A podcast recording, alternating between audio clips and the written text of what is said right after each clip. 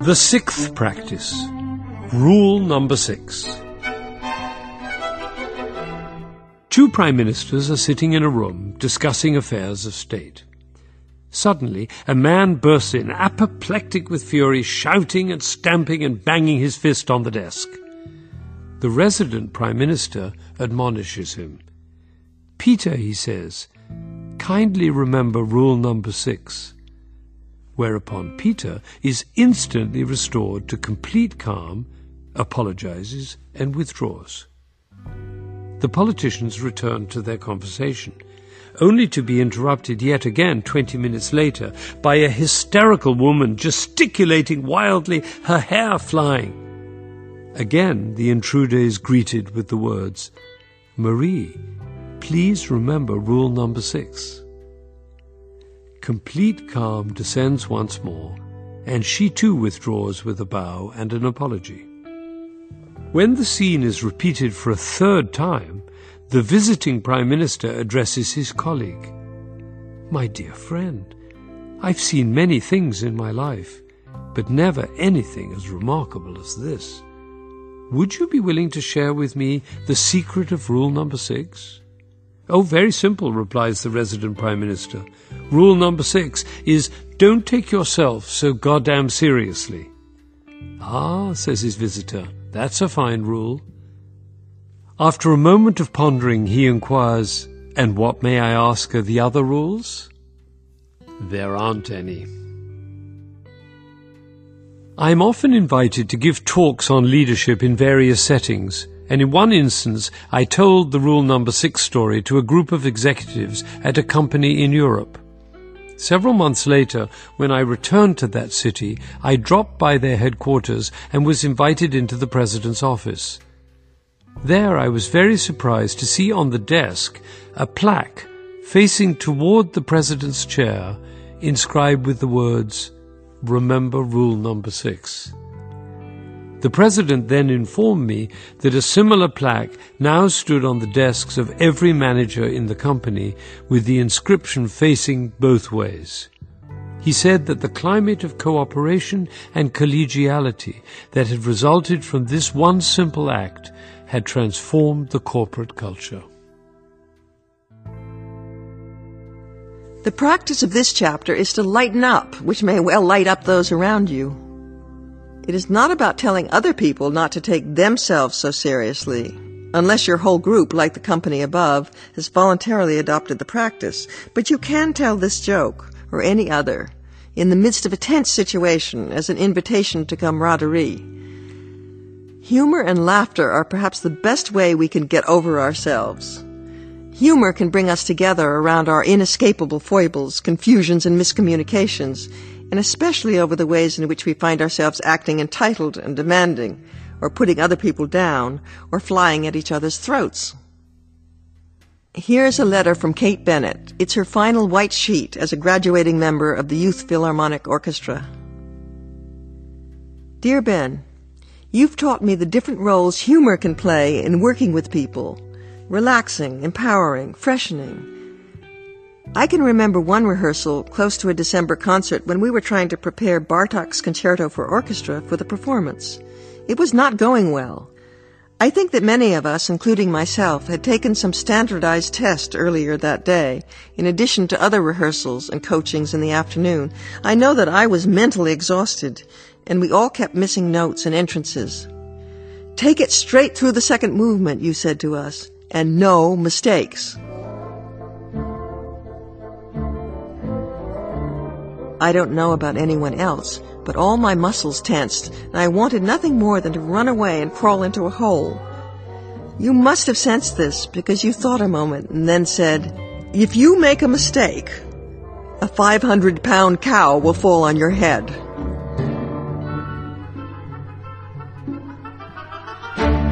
Partly from the image and partly from the complete surprise of hearing that word out of your mouth, we all began to laugh and everything was better, including the Bartok. I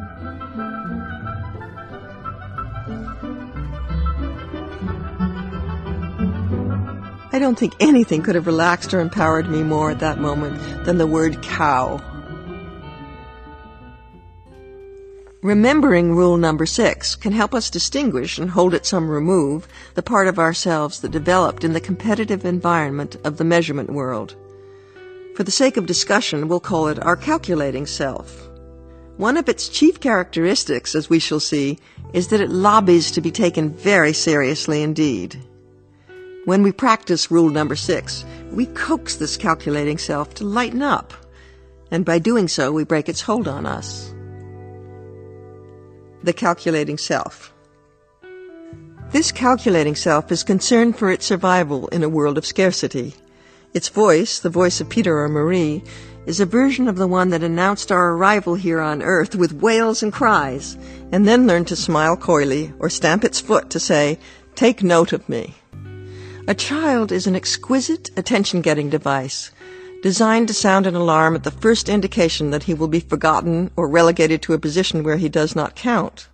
He needs the care and attention of strong, competent people to make it through, and nature obliges by endowing him with enough fear and aggression to stimulate him to hold on fiercely to sources of viability.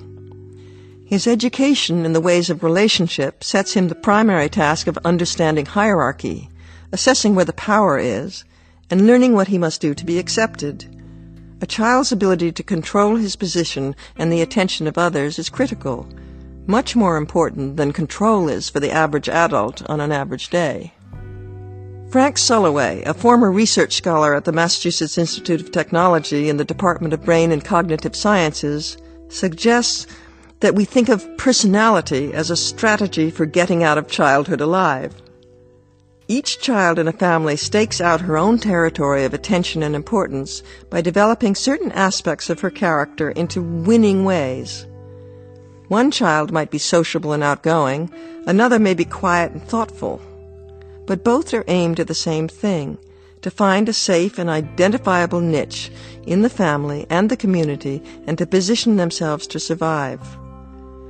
Anxiety regulates behavior and alerts the child to the dangers of being one down, unattended to, or at a loss. The survival mechanisms of the child have a great deal in common with those of the young of other species, save for the fact that children learn to know themselves.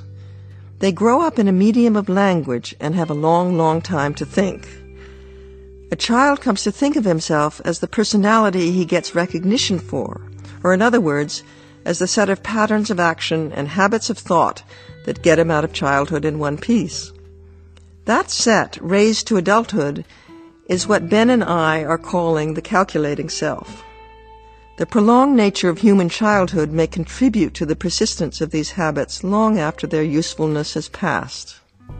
No matter how confident or well positioned this adult self appears, underneath the surface it is weak and sees itself as marginal, at risk for losing everything. The alertness to position that was adaptive at an earlier time in an individual's life, and in the history of our species, is still conceptually operative in later years and keeps signaling to the self that it must try to climb higher, get more control, displace others, and find a way in. Fortunately, the perception of what in is and where it is located is likely to vary between individuals and groups. Long after any real vestiges of childhood threats remain, this built-in alarm system exaggerates danger in order to ensure its life. In our talks, Ben and I portray the calculating self as a ladder with a downward spiral. The ladder refers to the worldview that life is about making progress, striving for success, and positioning oneself in the hierarchy. The downward spiral represents, among other things, the slippage that occurs when we try to control people and circumstances to give ourselves a boost. When this leads to conflict, we're likely to think that we have run up against difficult people and have learned an important lesson. We become more hard-headed and practical. Inevitably, our relationships spiral downward.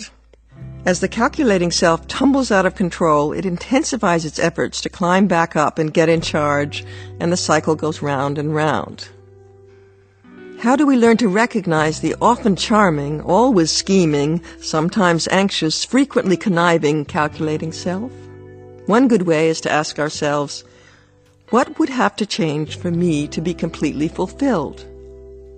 The answer to this question will clue us into the conditions our calculating self finds threatening or even intolerable, and we may see that our zeal to bring about change may benefit from a lighter touch. The intolerable condition may be a place or a situation, but very often it is another person. The best sex ever. For several years, I have been running an accomplishment program where people meet regularly in groups for coaching on the completion of individual projects. The nature of these projects can vary widely, from starting a business to designing a complex website to working through a difficult relationship.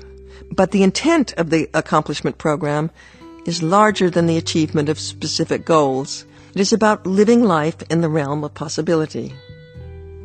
Over the course of each week, the participants define and follow through on three steps that will take them towards their goals. They can adjust the steps to any size as they go along, so it's virtually impossible to fail. In addition, the whole group is invited to play a common game designed to awaken creativity and highlight the obstructive nature of the calculating self. People often discover that the lessons they learn while playing the games are the very tools they use to make their projects and their lives leap ahead.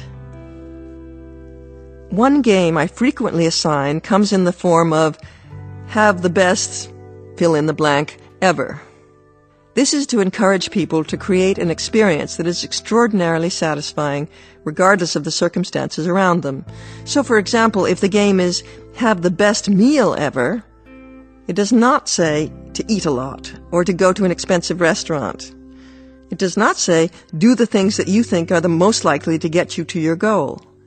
The instructions say have it. Be fulfilled. Often that means becoming aware of the fears, opinions, and positions your calculating self has adopted that stand in the way of simple fulfillment. If you can remember rule number six during the game, you may have a straighter run at ventures that will really make a difference in your life. I presented this game to one of the accomplishment groups after we'd been working together for several months, and I gave them the choice collectively to fill out the phrase so they could set the ante for themselves.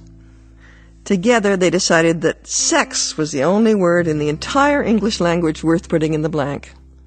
So, have the best sex ever became the game of the week. One member of the group was not happy about the choice, although she went along with the others. June had left her husband Mark earlier in the year after a long struggle to change him. She'd found it necessary to erect strong boundaries between herself and this charismatic, energetic, and self-absorbed man, and she wasn't about to back down. Mark's not going to change, she kept telling us, but it was she we were interested in. We reminded her that she could interpret the instructions any way she wanted. In the absence of an intimate partner, Perhaps a metaphorical interpretation of sex was a way to move ahead. After all, the instruction said, have the best sex ever, not have a miserable time against your will with a raging narcissist. June was meticulous enough about her participation in the group to want to give the game a try, though none of us had a clue as to how she would proceed. What would she discover about herself? We had learned to trust the mysterious power of play. And of course, I wouldn't be telling this tale if June hadn't appeared the next week looking radiant. This is her story. June went on a three day business retreat, and as is the practice in our group, gave another member, Anne, permission to coach her by telephone as she tackled the assignment. Anne was warming to the game in her relationship with Joe, while June described herself as a royal pain, protesting that the instruction to have the best sex ever was both immoral and entirely unsuitable for a woman in her position. June explained to us, Anne kept reminding me that our agreement was at the very least to give the game a try, whether we were successful or not. I hadn't yet imagined who would be my partner because I thought my husband was the last man on earth I would go near. But I was shocked to discover that as soon as I really let myself think about it, I knew he would be the one. The group got very quiet, as though any careless gesture would topple this fragile construction. And then I remembered rule number six, and I asked myself, what would have to change to make this possible? And of course I came up with the usual answer that he would have to change. He would have to stop being so self-centered. June looked around with a mischievous smile. We're all in agreement, aren't we, that Mark has a narcissistic personality disorder and will never change? No one knew what to say. June laughed. I realized I'd been taking myself pretty goddamn seriously. Why can't you have the best sex ever with a self-centered guy? I said to myself, lighten up. It was strange. Suddenly Mark's self-absorption got disentangled from the idea of making love. I realized that I'd always been enormously attracted to guys who are self-absorbed and passionate about what they do. I had this sense, in that fraction of a moment, that it was possible. Making love, fully making love with such a man was of course possible. After all, it had been once. This realization in itself was so interesting, so new, that for a moment I felt daring enough to go to a payphone. I called him, and this was very difficult because it was like saying I was wrong and he was right. My pride kept flaring up. I felt very nervous and a little crazy because I didn't recognize myself. I was hoping he wouldn't be home, but of course he was. And it turned out that it was easy to talk to him, even though we hadn't spoken for quite a while. I told him about the game. And after an awkward silence, I added the other half of the invitation. I do think it would be a good idea if we made love. He was so quiet that I got frightened the other way. I didn't want to be rejected. And then he said, This call must have taken a lot of courage to make. I was at a loss for words. Where had this sensitivity come from? This empathy? In my self-centered mate? We agreed to have dinner at his place on Friday when I returned. And then things began to change. I remember walking down a country road and being aware of everything the smell of the grass, the shape of the riverbank. Everything was sensual. It was as though nature was conspiring with the game. On the way into town, I stopped at a fruit stand to buy dessert, and my eye was caught by flowers in a pail. I found myself arriving at the house Friday night carrying flowers in my hand. Through all my nervousness, I had to laugh. Here I was, a once decisive woman who had had the courage of her convictions to leave her husband, a man beyond repair, now bringing flowers to the scoundrel's door. What a drama! Then we were both laughing and throwing caution to the winds. The evening we spent together was like a week's vacation but it was also like coming home. We all looked at each other in disbelief. June had become so much more expressive, so much more human than we had ever seen her. Soon came the inevitable question. Someone asked, but isn't it important to make some decisions about people's behavior, to set boundaries and stand firm for what you believe? I answered, of course. But do you think that is what June was doing?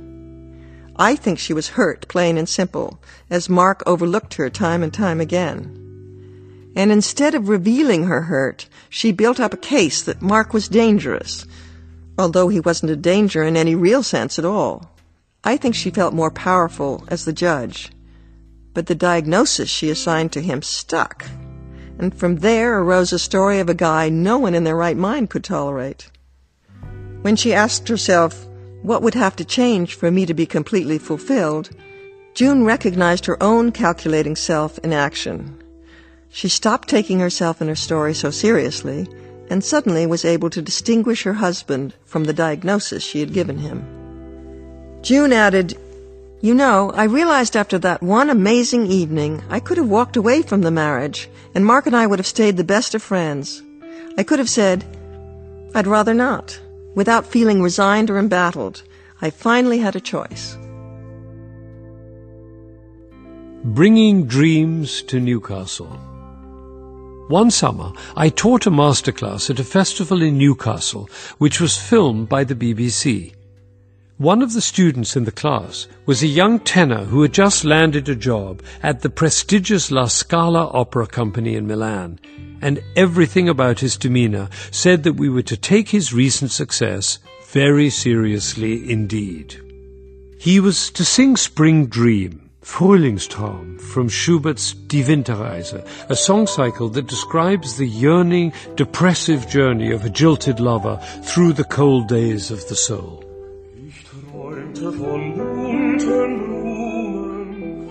In this song, the hero is dreaming of the flowers and meadows of a springtime past when he delighted in the warm embraces of his beloved. The gently lilting music conjures up blissful joy, blissful fulfillment. Suddenly, a crow screams from the rooftops. He awakens and discovers it is dark.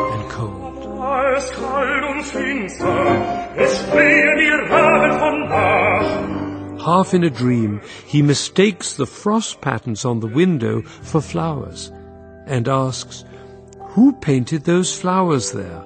When will they turn to green?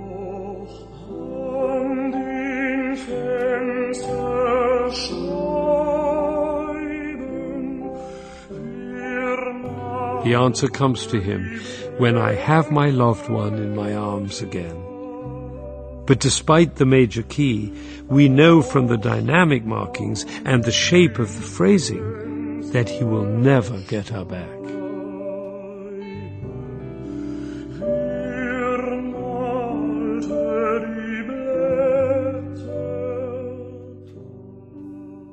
This music is some of the most intimate, soft, subtle, and delicate in the repertoire. It depends for its expression on an understanding of the nuances of sadness, vulnerability, and never-ending loss. But when Geoffrey began to sing, there was no trace of melancholy. Out poured a glorious stream of rich, resonant Italianate sound, pure Geoffrey taking himself very seriously. How could I induce him to look past himself in order to become a conduit for the expressive passion of the music? I began by asking him if he was willing to be coached. Oh, I love to be coached, he said breezily, though I doubt he had any idea of what was to follow. For 45 minutes, I engaged in a battle royal, not with Geoffrey, but with his pride, his vocal training, his need to look good, and the years of applause he had received for his extraordinary voice. As each layer was peeled away, and he got closer and closer to the raw vulnerability of Schubert's distraught lover, his voice lost its patina and began to reveal the human soul beneath. His body, too, began to take on a softened and rounded turn. At the final words, when will I have my lover in my arms again? Geoffrey's voice, now almost inaudible, seemed to reach us through some other channel than sound.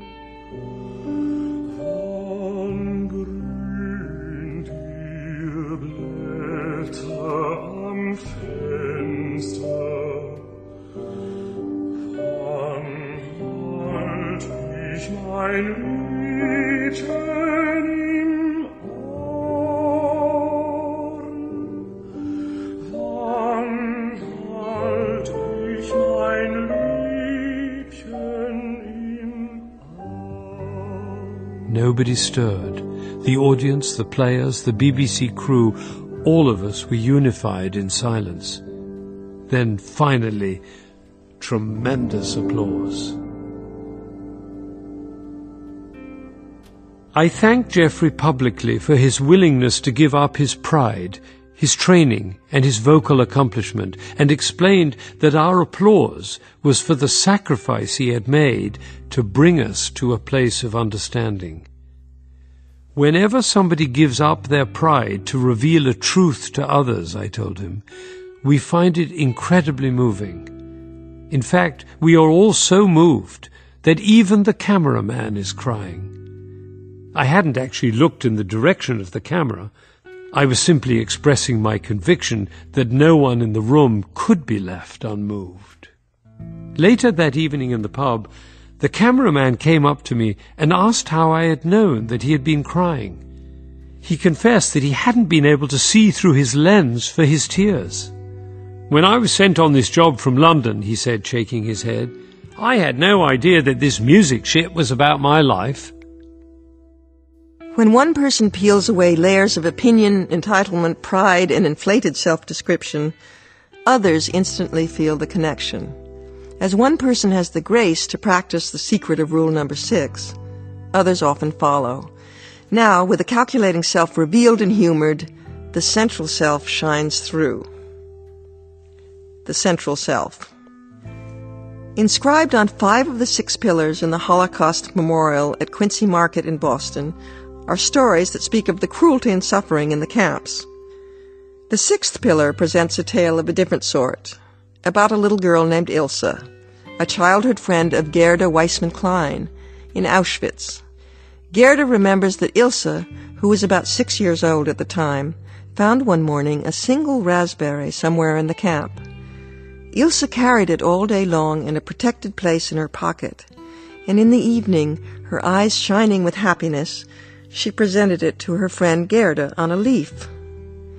Imagine a world, writes Gerda, in which your entire possession is one raspberry, and you give it to your friend. Such is the nature of the central self, a term Ben and I use to embrace the remarkably generative, prolific, and creative nature of ourselves and the world.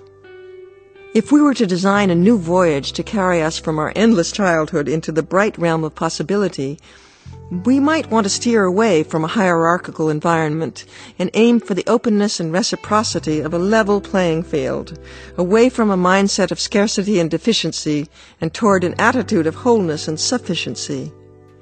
We might even describe human development as the ongoing reconstruction of the calculating self toward the rich, free, compassionate, and expressive world of the central self. Resolving conflict through the central self. Since the calculating self is designed to look out for number one, we are apt to find it in the driver's seat wherever people are at an impasse whether in politics, personal relationships, as in June's story, or in the business world. The practice of rule number six gives the facilitator in a negotiation a unique perspective. For the facilitator versed in this practice, conflict resolution is the art of paving the way for the parties' central selves to take charge of the discussion. In other words, the role of the facilitator is to promote human development and transformation rather than to find a solution that satisfies the demands of the ever-present calculating selves. In the story that follows, the assumption was made that the two men's calculating selves would each be plotting to win out over the other, pulling the conversation into the downward spiral, while their central selves would know a more direct route to a productive and collaborative solution. The Inventor and the Money Man Two major partners of a medical research firm were deadlocked over their contract with each other, and every hour was bringing them closer to their financial demise. The younger of the partners, a man in his forties, happened to be sitting next to Ben on a flight from Boston to Dallas, and told him the story. Full of enthusiasm, Ben reached for the phone in the seat back ahead of him and dialed me up. Oh, good, I got you, he said. I'm sitting next to a wonderful man who has a problem, and I promised him you could solve it. Here, let me put him on. The next thing I knew, Ben had handed the phone to his new friend, and he and I were discussing our next step. We met at the company's offices at 9.30 the next Monday morning. It was obvious that the senior partner, a man in his early 80s and the company's founder, was not happy to see me, and disinclined to submit this in-house matter to a consultant. He was demanding that the junior partner sign a contract agreeing to goals that the younger man thought were impossible to accomplish. The situation had turned into an ultimatum. Sign the contract or get out and lose your investment. No changes, no negotiation, no compromises. The senior partner told me in a dismissive tone that he had an important meeting at 11 o'clock. An hour and a half was all the time he would spend on the matter. I took as my premise that each man recognized in his heart of hearts the exact way in which he was being adversarial, uncooperative, childish, bent on revenge, and out to save his own skin. At the same time, I was pretty sure that each man was feeling entirely justified in such behavior given his partner's actions. In other words, I operated under the assumption that each partner's central self knew the workings of his calculating self. I intended to speak only to their two central selves. Since it was the younger man who had asked for the consultation, I assumed that he felt he was losing the battle.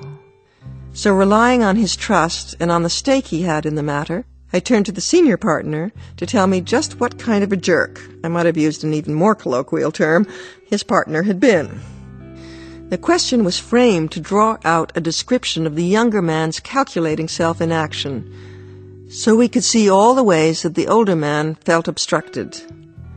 The colloquial appellation I used was intended to indicate, however, that in line with rule number six, this behavior was not to be taken too seriously.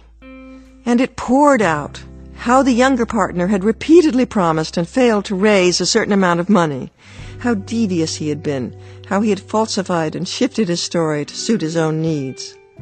The senior partner suspected him of double dealing, and he feared that his life's work, his research on the product, was about to go down the drain because so far they lacked the funds to manufacture it in time to beat the competition to the market. It was a survival issue for the older man because he identified himself so completely with the product of his labors. Of course, the younger man protested that these allegations were all untrue, and with each word he sent the senior partner into a fit of renewed exasperation. In order to identify the primary issue blocking the older man's cooperation, I asked him what irritated him most in his dealings with his partner. He gave me a straight answer that he lies to himself and to me. I seized the opening to establish agreement between them about what had actually happened.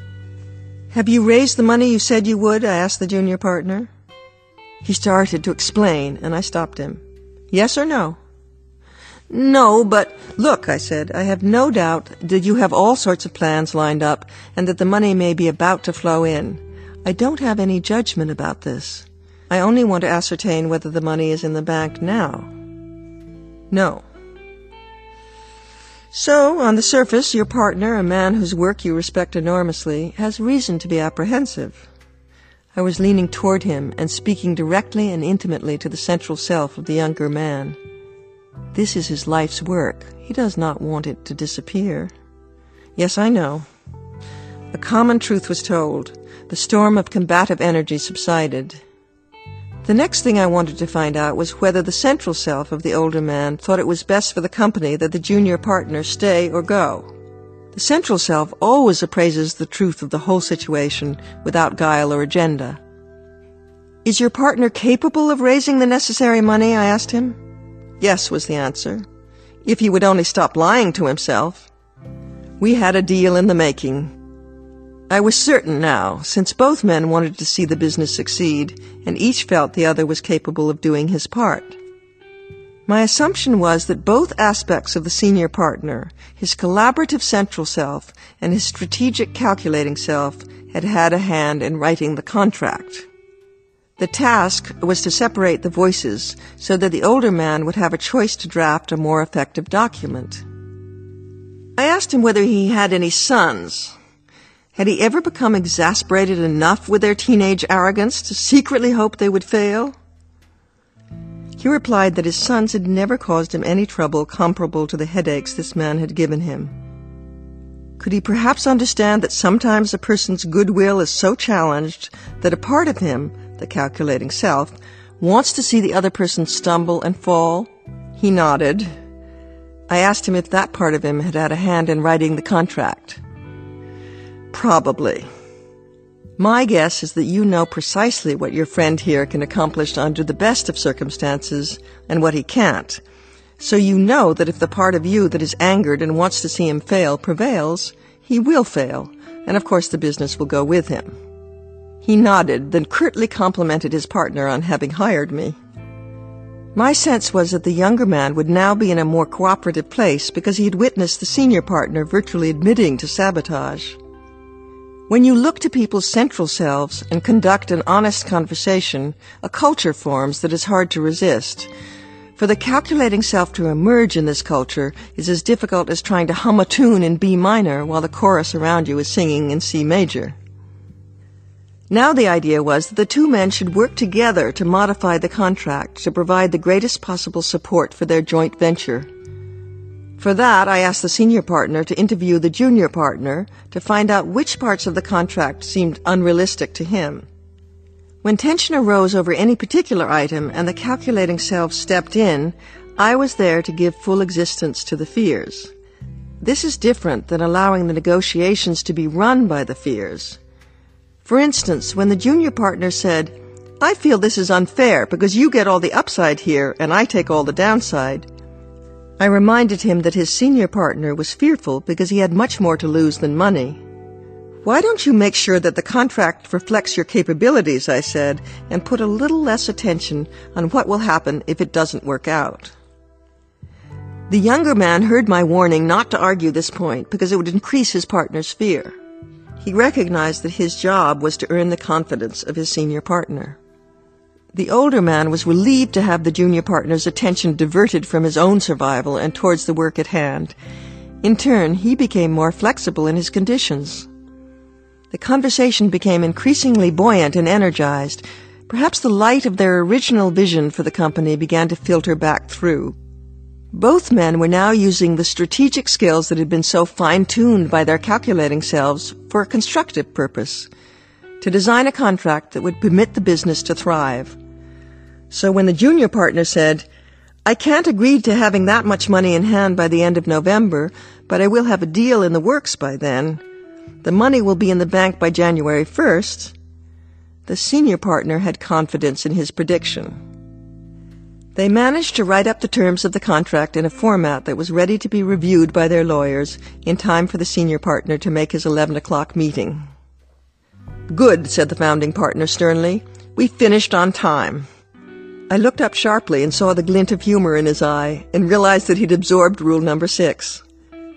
The younger partner, feigning innocence, joked, Yes, but why did it take us so long? Possibility was in the air. Unlike the calculating self, the central self is neither a pattern of action nor a set of strategies. It does not need an identity. It is its own pure expression. It is what a person who has survived and knows it looks like. The central self smiles at the calculating self's perceptions, understanding that they are the relics of our ancestry, the necessary illusions of childhood fine if the child thinks there's such a thing as not belonging, so he can shriek and wail at the first hint of being forgotten at the grocery store. Fine if he should think that he needs to be stronger or smarter than others to stay alive, so he will exercise mind and body, resist drowning, and get to the food first. However, the central self knows that not belonging and being insufficient are thoughts both as native to us and as illusory as Santa Claus.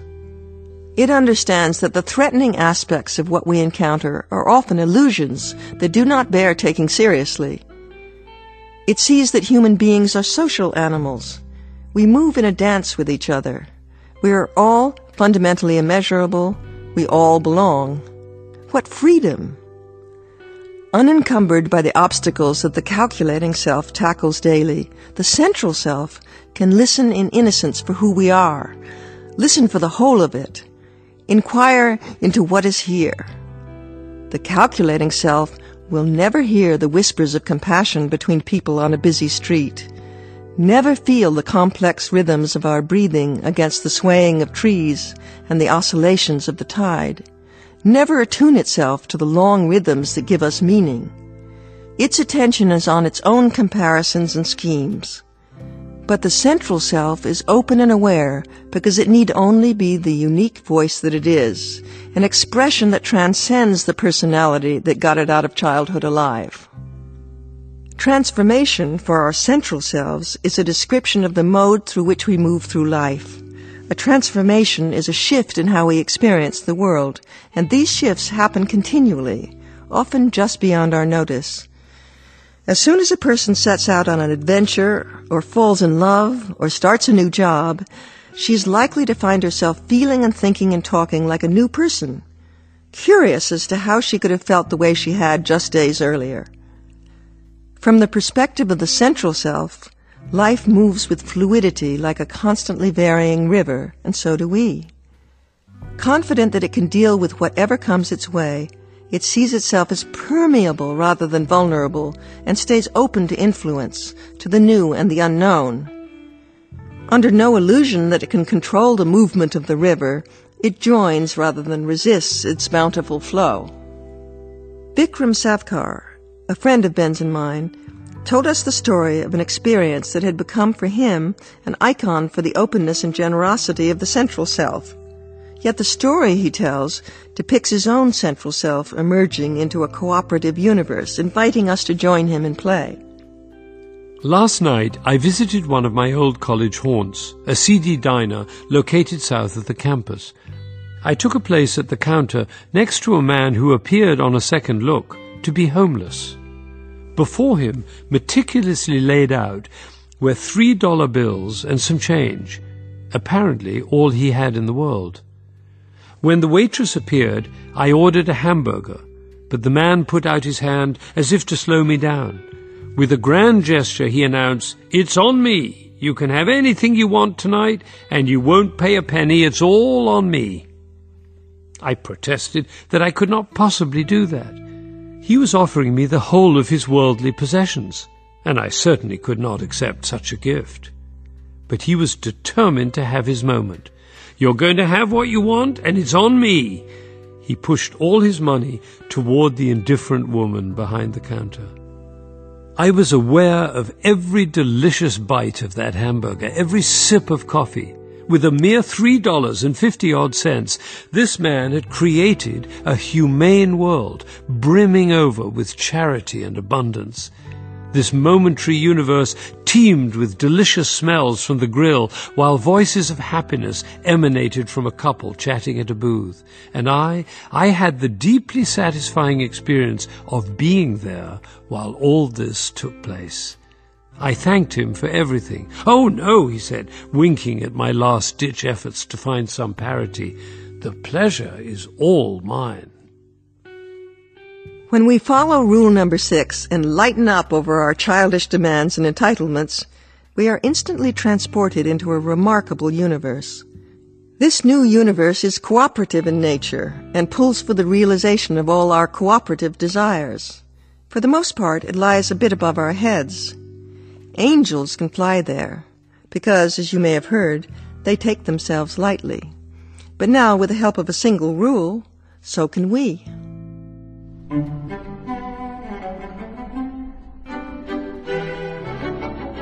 The seventh practice, the way things are.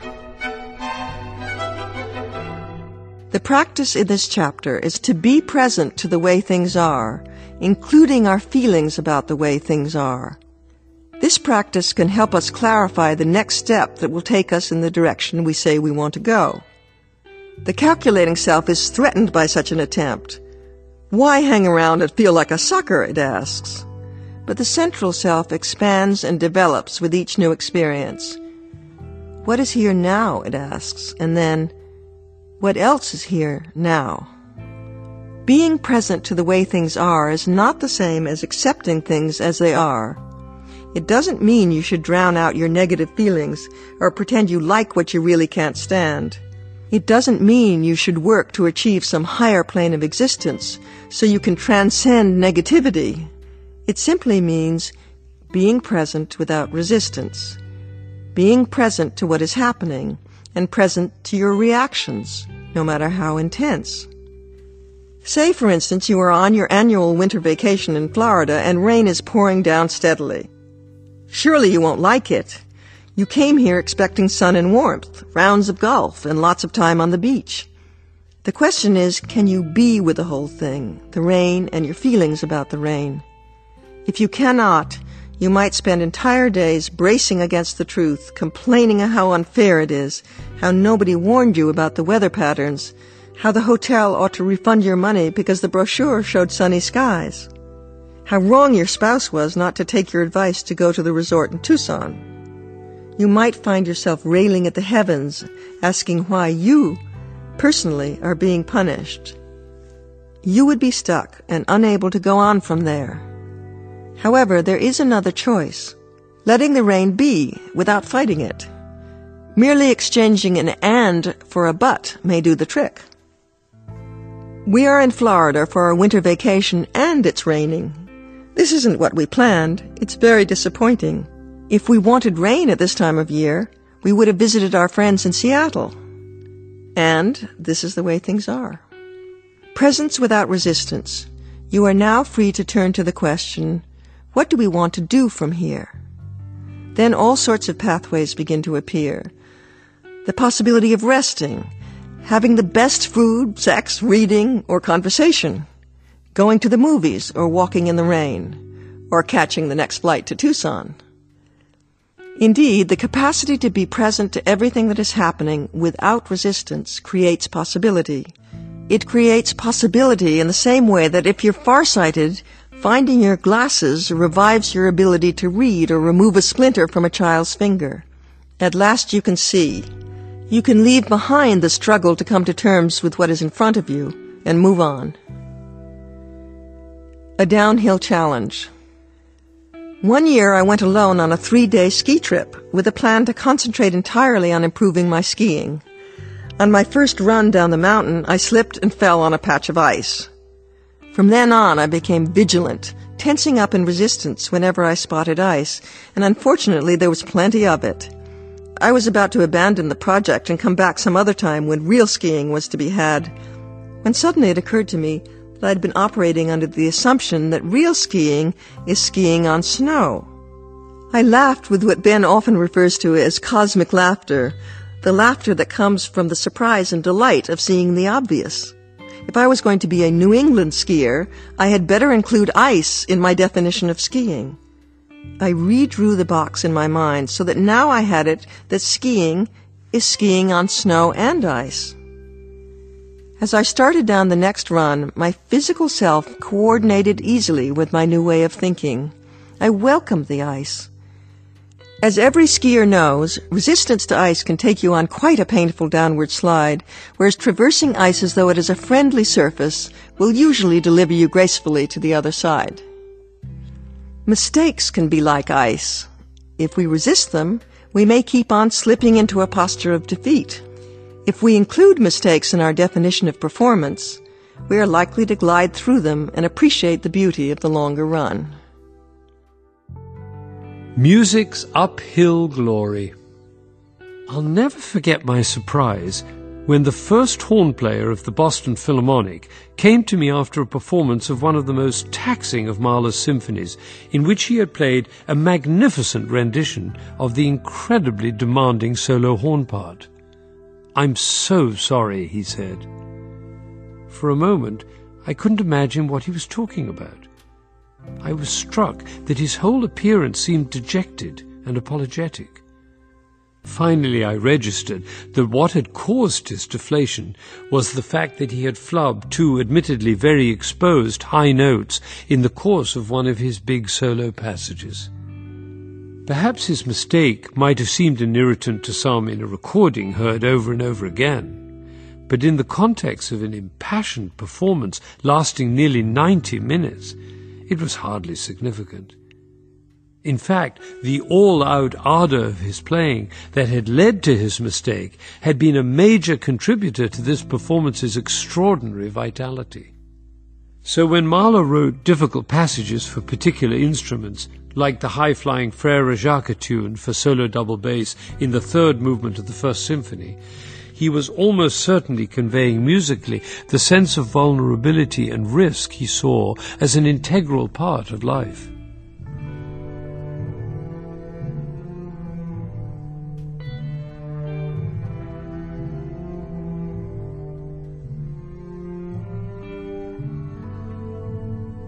For the orchestra and the conductor, playing Mahler's symphonies means taking huge risks with ensemble, expression and technique. We will not convey the sense of the music if we are in perfect technical control.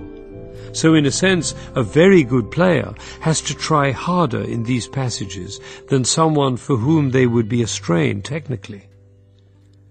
Stravinsky, a composer whom we tend to think of as rather objective and cool, once turned down a bassoon player because he was too good to render the perilous opening to the Rite of Spring.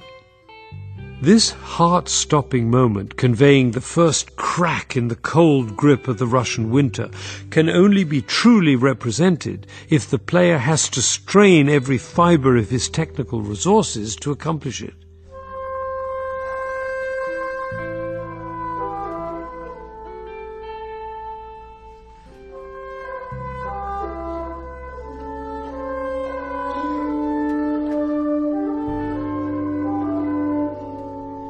A bassoon player for whom it was easy would miss the expressive point.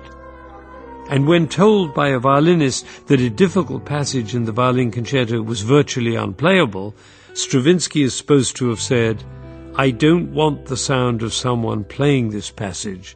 I want the sound of someone trying to play it. This attitude is difficult to maintain in our competitive culture, where so much attention is given to mistakes and criticism that the voice of the soul is literally interrupted.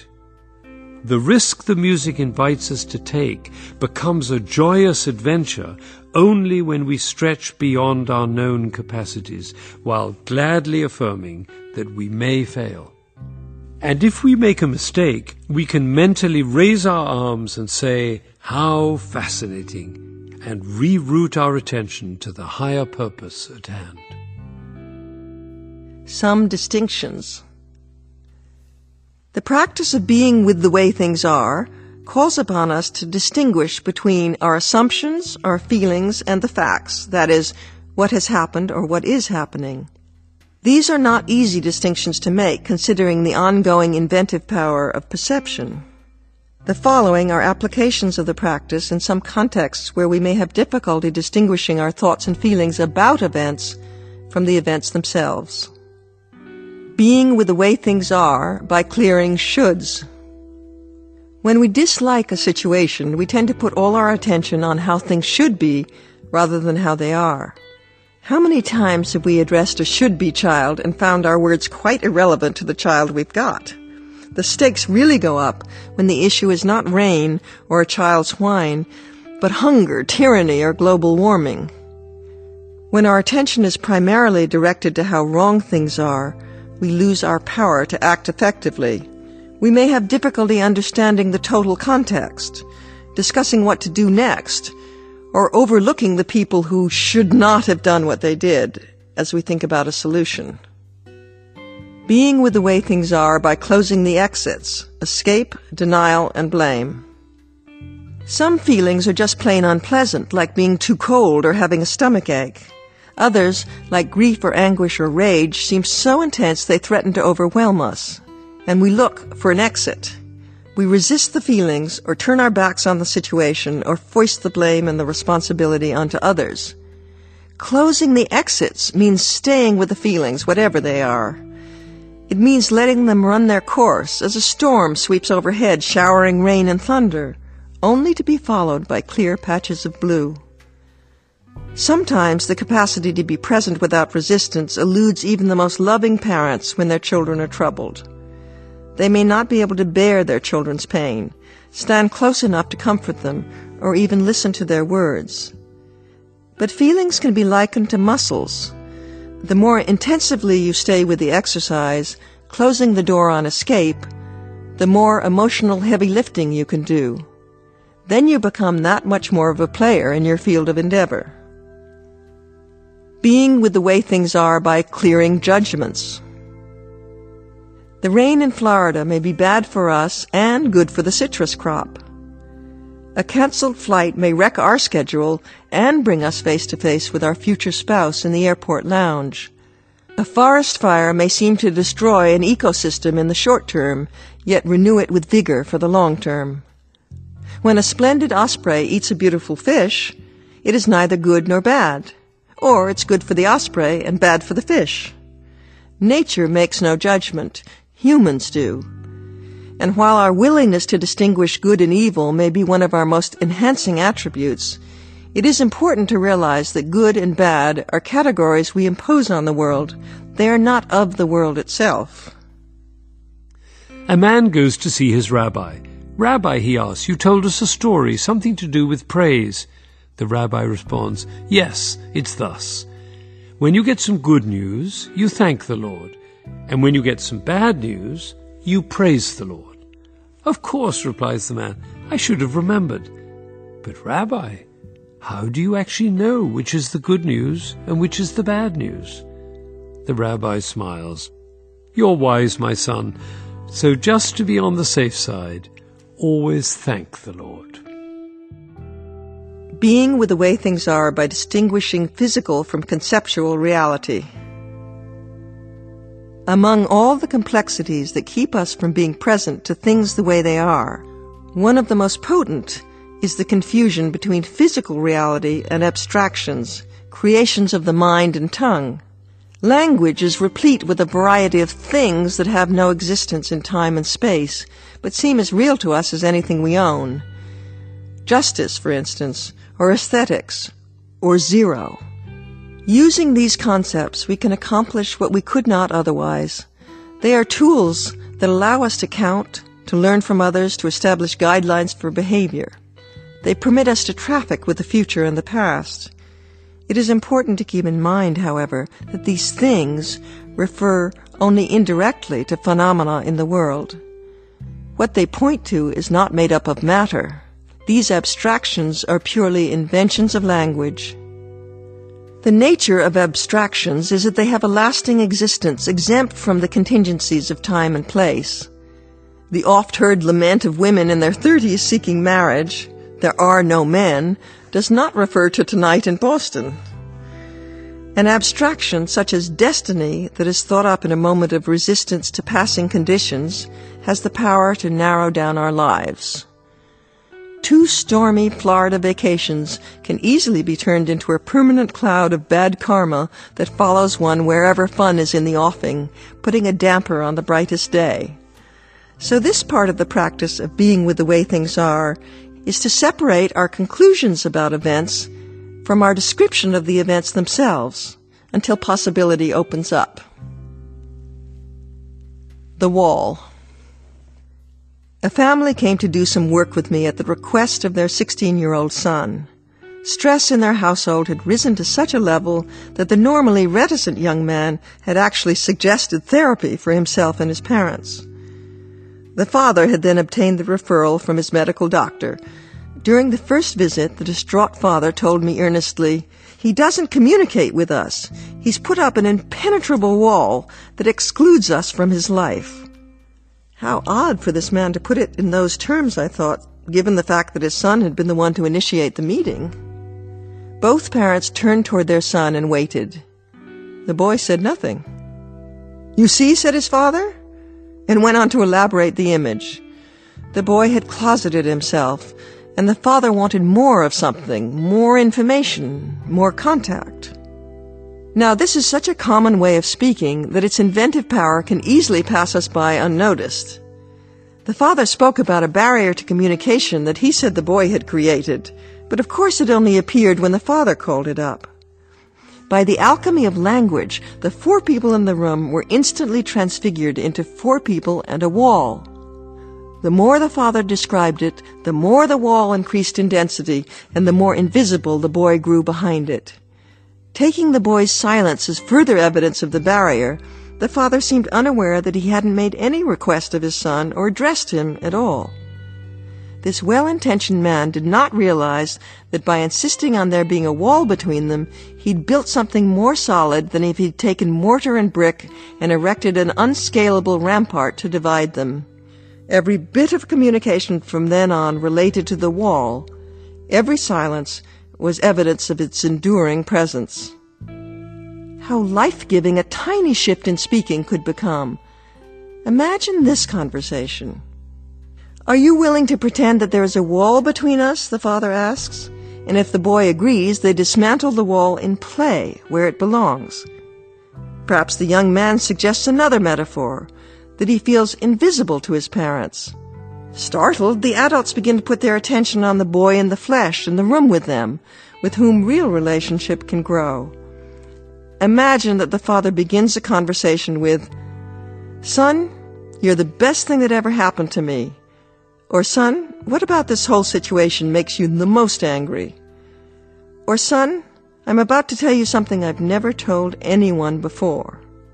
The boy looks up at his father, and they have taken their first steps on a journey of possibility. Abstractions that we unwittingly treat as physical reality tend to block us from seeing the way things are, and therefore reduce our power to accomplish what we say we want. Downward Spiral Talk. In the last chapter, we set up a model distinguishing two selves the calculating self, and the central self. When we are our calculating selves, we struggle onward and upward like contestants in an obstacle course, riveting our attention on the barriers we see in our way. Strengthening the concept of obstacles with metaphors, we talk about walls and roadblocks, their height and prevalence, and what it will take to overcome them. This is downward spiral talk, and it is part and parcel of the effort to climb the ladder and arrive at the top. The catchphrase downward spiral talk stands for a resigned way of speaking that excludes possibility. The little old ladies who support classical music are all dying out, the conversation goes in downward spiral mode. Our culture has become totally commercialized, and no one wants to fund the arts. Nowadays, school children are only interested in popular music. Audiences for classical music are rapidly diminishing. Clearly, it is a dying art. Downward spiral talk is based on the fear that we will be stopped in our tracks and fall short in the race, and it is wholly reactive to circumstances, circumstances that appear to be wrong, problematic, and in need of fixing. Every industry or profession has its own version of downward spiral talk, as does every relationship. Focusing on the abstraction of scarcity, downward spiral talk creates an unassailable story about the limits to what is possible and tells us compellingly how things are going from bad to worse. Why does it spiral downward? Why do things tend to look more and more hopeless? For the same reason that red Dodge pickups seem to proliferate on highways as soon as you buy one, and that pregnant women appear out of nowhere approximately eight months before your baby is due. The more attention you shine on a particular subject, the more evidence of it will grow. Attention is like light and air and water. Shine attention on obstacles and problems, and they multiply lavishly. The practice of the way things are is a reality check on the runaway imagination of the calculating self. It's like the world weary policeman saying, Just the facts, ma'am, just the facts. Radiating possibility begins with things as they are and highlights open spaces, the pathways leading out from here. Then the obstacles are simply present conditions, they are merely what has happened or is happening. The father in our story might say, I have not inquired about my son's life, and he is not volunteering any information. And he would be describing present conditions in the family. He might add, I'm afraid I don't know the right questions to ask, and it irritates me that he doesn't come to me to talk. And he would still be describing the way things are.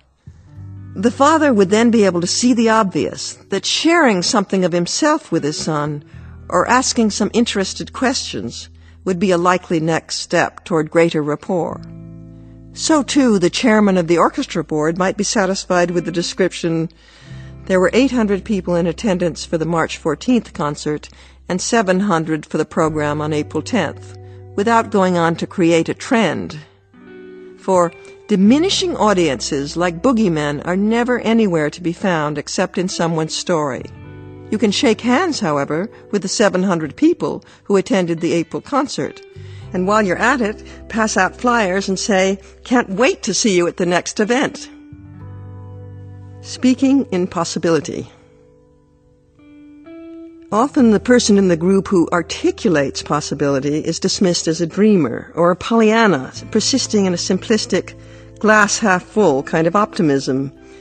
The naysayers pride themselves on their supposed realism. However, it is actually the people who see the glass as half empty who are the ones wedded to a fiction. For emptiness and lack, like the wall, are abstractions of the mind, whereas half full is a measure of the physical reality under discussion. The so-called optimist, then, is the only one attending to real things, the only one describing a substance that is actually in the glass. The practice of being with the way things are can break the unseen grip of abstractions created as a hedge against danger in a world of survival, and allow us to make conscious distinctions that take us into the realm of possibility, dreams, for instance, and visions. Imagine if we were faithfully to whisper the immortal words of Martin Luther King Jr., I have a dream, as a preface to our every next remark. Speaking in possibility springs from the appreciation that what we say creates a reality. How we define things sets a framework for life to unfold. A practice of this chapter and of the book as a whole is to distinguish between talk in the downward spiral and conversations for possibility. The question one asks is, Am I speaking from the downward spiral? Or am I speaking from possibility? As we walked together on a stony beach, my daughter said to me, I would do the kind of work that Jane Goodall does, but I couldn't face the horrors she sees every day. Nothing about the moment could have been more perfect. The balmy fragrance of the air, the bright and warming sunlight, seabirds calling from cove to rocky point, while a slight breeze caused the bluest of blues to sparkle with light. It's easy enough to be fully and passionately present on a rare day in Maine when one is free of obligations and nothing is at stake. But how can we stand to be present in the face of pain, loss, or disappointments? I had shared with my daughter, Alexandra, my reaction to hearing Jane Goodall speak at the State of the World Forum in San Francisco. Renowned for her research on chimpanzees in the wild, she had established sanctuaries in Tanzania and in other parts of Africa by working with the people of the areas to support themselves in harmony with the biologically diverse environment.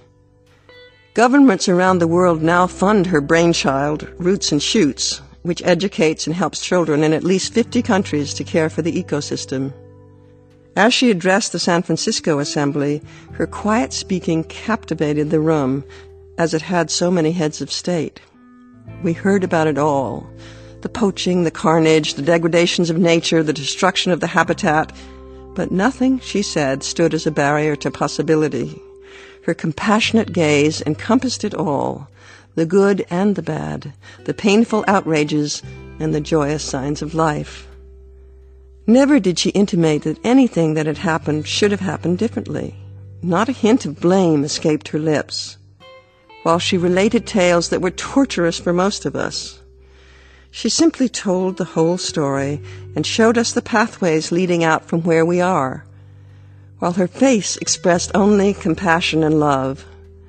Jane Goodall's transcendent power was rooted in being present, without resistance, to the world just as it is. Being with the way things are calls for an expansion of ourselves. We start from what is, not from what should be. We encompass contradictions, painful feelings, fears, and imaginings, and without fleeing, blaming, or attempting correction, we learn to soar like the far-seeing hawk over the whole landscape. The practice of being with the way things are allows us to alight in a place of openness, where the truth readies us for the next step, and the sky opens up.